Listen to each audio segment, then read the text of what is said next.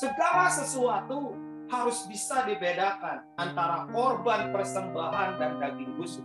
Daging busuk ya daging busuk, korban persembahan itu yang kita bawa kepada Tuhan dan itulah yang membuat Tuhan bergerak dalam hidup kita. Jangan pernah maaf harga itu daging busuk lalu dipersembahkan di gereja. Uang korupsi jangan pernah taruh di dalam mesbah Tuhan. Perkara-perkara begini tidak akan pernah mendengar satu kehidupan di mana Tuhan bergerak dalam hidup. Karena prinsipnya itu perkemenangan itu adalah fondasinya kebenaran. Segala sesuatu yang bukan kebenaran seperti daging busuk mengerikan ujungnya merusak semua persembahan merusak ibadah dan ujungnya tak ada kemenangan. Dan itu yang membuat Tuhan tidak memberkati